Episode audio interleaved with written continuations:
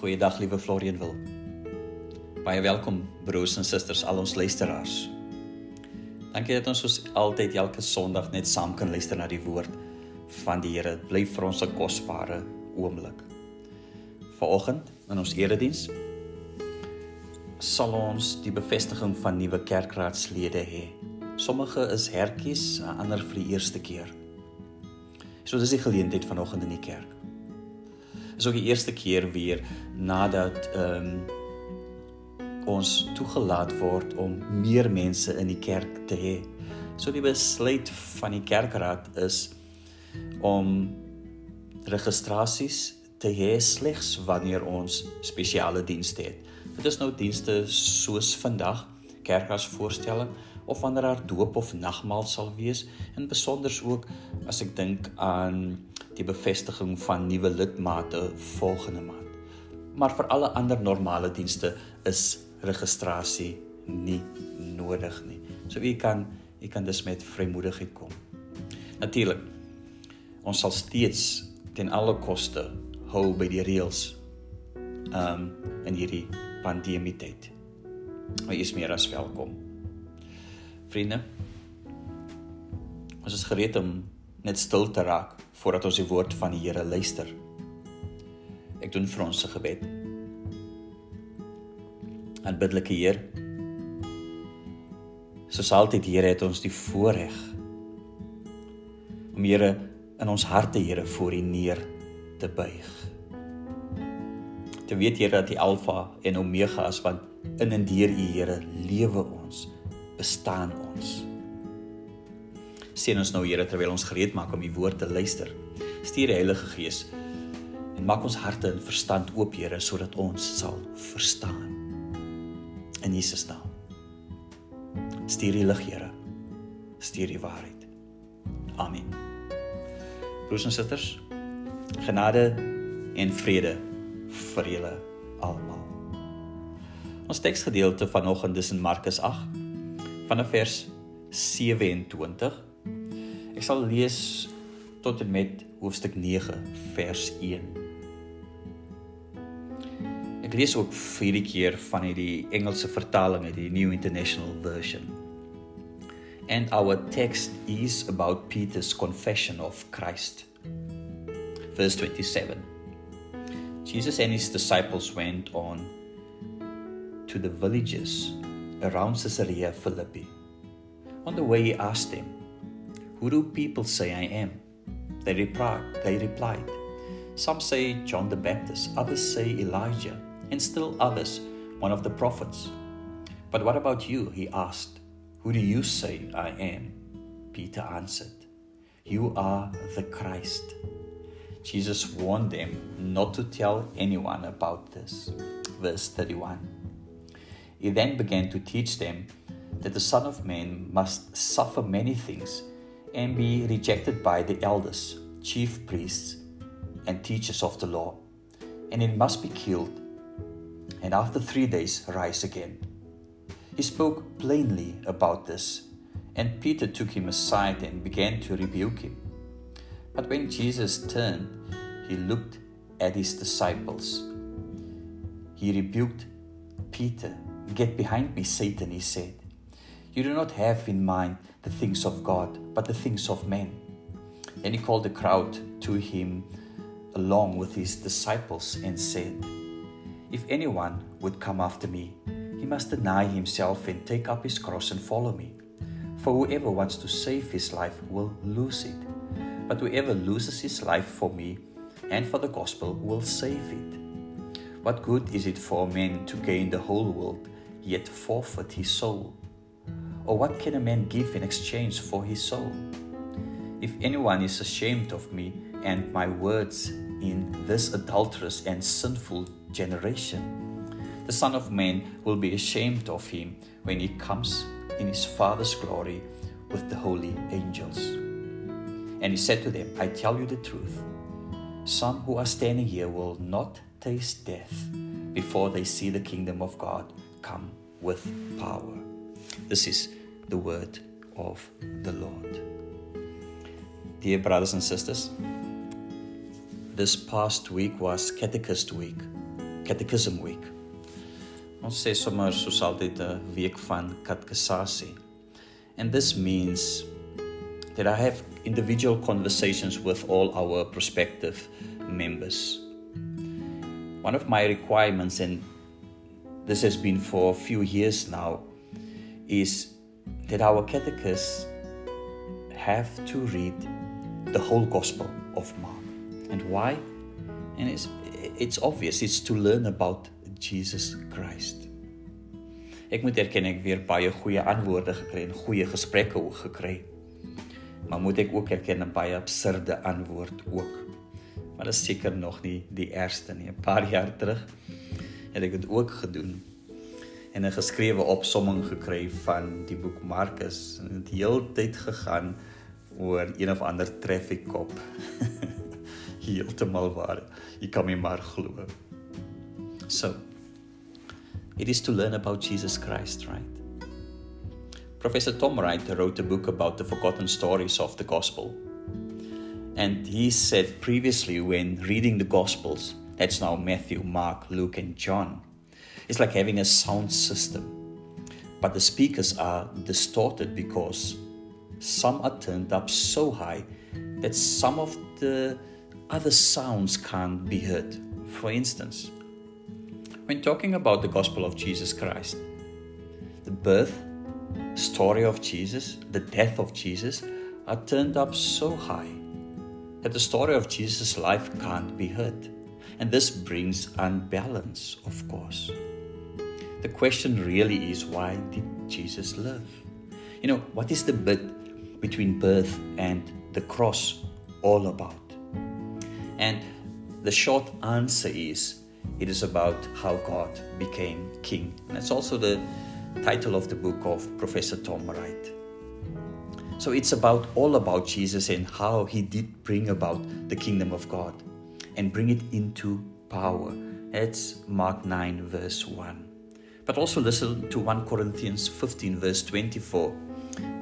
Then the end will come when he, that's now Jesus, hands over the kingdom to God, the Father after he has destroyed all dominion, authority, and power. When reading through Mark, you can't help but understand that it is the story of, about, of Jesus, who's the Son of God. That's Mark 1, verse 1, who has authority and power over every part of life. And that includes social life, political life, every part, the evil included. Jesus has authority over evil. God becoming king through Jesus Christ. That is the gospel story. And I, I promise you, when you read the gospels, you will find that actually it is true.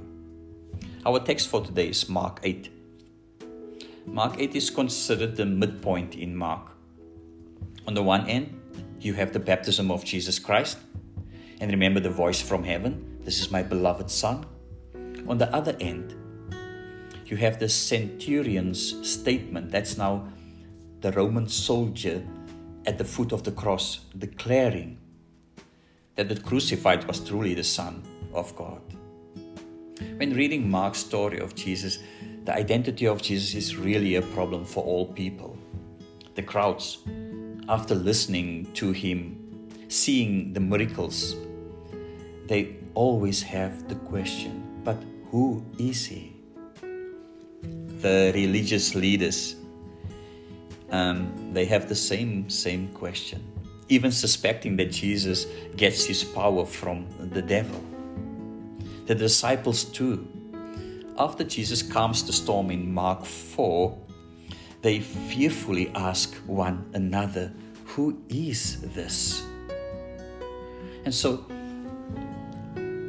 on the story of Jesus' identity, um, they are now traveling to the towns or to the town of Caesarea Philippi. So, away from the crowd who considers him a celebrity, but also away from the hostility of the Pharisees, the Sadducees, and the high priests as well. So Jesus is moving his disciples away from all from all this madness, if I if I can say that. And he, he chooses to take them to the area of Caesarea, Caesarea Philippi. And Caesarea Philippi is, mo- is known for many things, but especially um, known for making people gods. For instance, Caesar. And is also the place well known for idols, for man made gods. So, Caesarea Philippi is a place of man made gods. It's also the place of making men into gods. And isn't this exactly our world we are living in today? So, in the, in the face of the rejection of the one true God, the questions comes to the disciples. Who do people say I am? And what about you? Who do you say I am? And then came Peter's answer You are the Christ. In other words, you are the Messiah, the anointed one. In Afrikaans sal dit wees dat Jesus Christus is Christus en dit beteken hy is die Messias, maar dit beteken ook dat hy die gesalfde is. You know, Jesus is the one set apart for something really special. And that something really special is to represent God among us. Actually, Peter, you know, said, Jesus, you are God among us. It's God coming down to our level. And this is something that we should never ever forget. Dit is God broers en susters in vlees en bloed in hierdie wêreld van ons. Is dit dan nie die boodskap van Kersfees nie? Ehm um, wat ons elke jaar na luister nie, nê? En verstaan u hoe maklik maak die Here dit vir ons om te glo in hom, om hom te ken, te ontmoet en uiteindelik ook te volg. Want hy's tussen ons en deur Jesus Christus het hy tussen ons kom woon. Ek onthou altyd Jesaja 64. Dan sê die profeet: Here, as jy maar die hemel wou oopskeer en wou afkom sodat die berge voor U skud. Toegegee. Jesus het die hemel oopgemaak. Maar in plaas van groot wonderwerke en berge wat skud, kies God om deur Jesus Christus nie te oorweldig nie, maar gewoonweg net in 'n menslike liggaam homself te openbaar. En dit maak dit vir ons die maklikste ooit om vir God te leer ken en hom te volg. En daarom en daarom lees die katkesante vir vir die evangelie van Markus om die storie van Jesus te hoor. Om die storie te hoor van God wat in hierdie wêreld ingekom het en onder ons kom woon het. En daarom dis dis waar ons begin. Dis waar ons begin by God wat sigbaar is in Jesus Christus. In Jesus God does not overwhelm or overpower us. It is just so much easier to follow and to know God in and through Jesus Christ. And therefore, again, start with Jesus. You know, read the gospel stories of Jesus Christ. But also, this text leaves us with a question. You know, what is your choice? In a world, in, a, in some sense, that are just like Caesarea Philippi, what is your choice?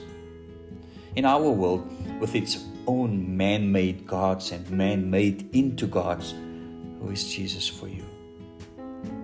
If Jesus is your Christ, and this is and if this is what we say Jesus is for us, we should also remember the words of Jesus in verse 34 to 37, the same chapter, chapter 8. I'll read from the message, a modern translation of, of the Bible. Verse 34 to 37 in the message reads as follows Calling the crowds to join his disciples, this is Jesus now, he said, Anyone who intends to come with me has to let me lead. You're not in the driver's seat, I am. Don't run from suffering, embrace it. Follow me and I'll show you how. Self help is no help at all. Self sacrifice is the way, my way, to saving yourself, your true self. What good would it do to get everything you want and lose you, the real you? What could you ever trade your soul for? Ek dink is inderdaad mooi gestel.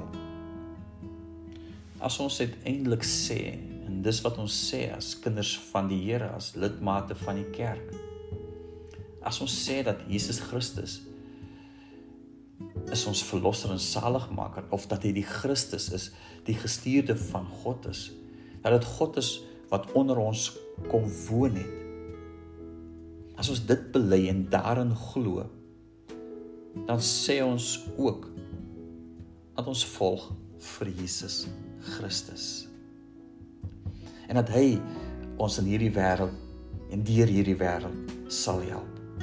Dat hy regeer oor ons lewe en oor alles in ons lewe. En maak nie saak watter deel van ons lewe nie.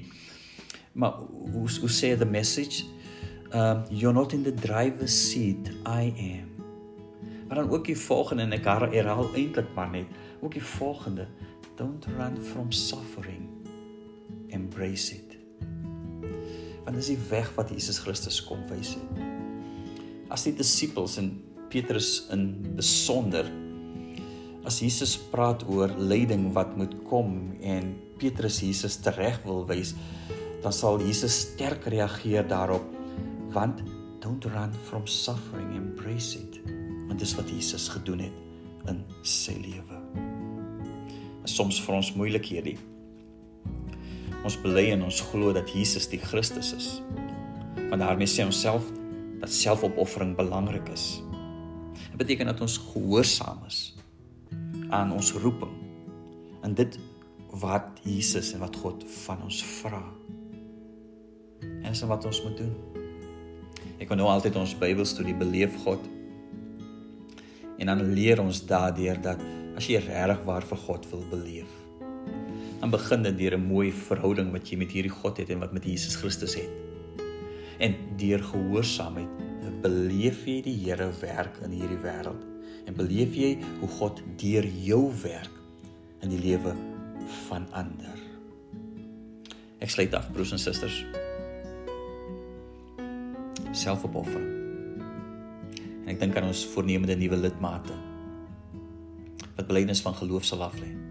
Ek dink ook aan ons nuwe kerkaslede wat die roeping vir hierdie roeping ja gesê het. Is die weg van Jesus, as ons sê is Christus, is die van selfopoffering en ons hele lewe rig ons in om presies te doen wat die Here van ons vra. Amen. Ek doen vir ons 'n gebed. Hemelse Vader, dankie vir die voorreg. Dankie dat ons na u woord kan luister. Ons glo Here dat hierdie Christus is, Here. Die seun van God is die gestuurde, is die gesalfde is. Ons glo ook Here op 'n mooi manier dat U Here God tussen ons is deur die seun Jesus Christus. Dankie daarvoor. Dankie dat ons op hierdie manier Here maklik in U kan glo want U het Uself bekend gestel. En dankie dat ons ook nou weet Here die weg wat ons moet loop. As ons, ons in U glo. Sien ons as gemeente Here, sien ons nuwe voornemende lidmate, ons nuwe kerkraadslede sien vir ons hier as kerkraad in besonder, maar ook gemeentelede in hierdie pandemie tyd waarin ons leef. Dankie Here dat U genade meer as genoeg is. En dankie Here dat U goed is vir ons. Sien ons nou Here, want dis wat ons wil ontvang. Die genade van ons Here Jesus Christus, liefde van God ons Vader, troos en bemoediging van die Heilige Gees is met elkeen van u. En hierop antwoord ons en sê ons: Amen.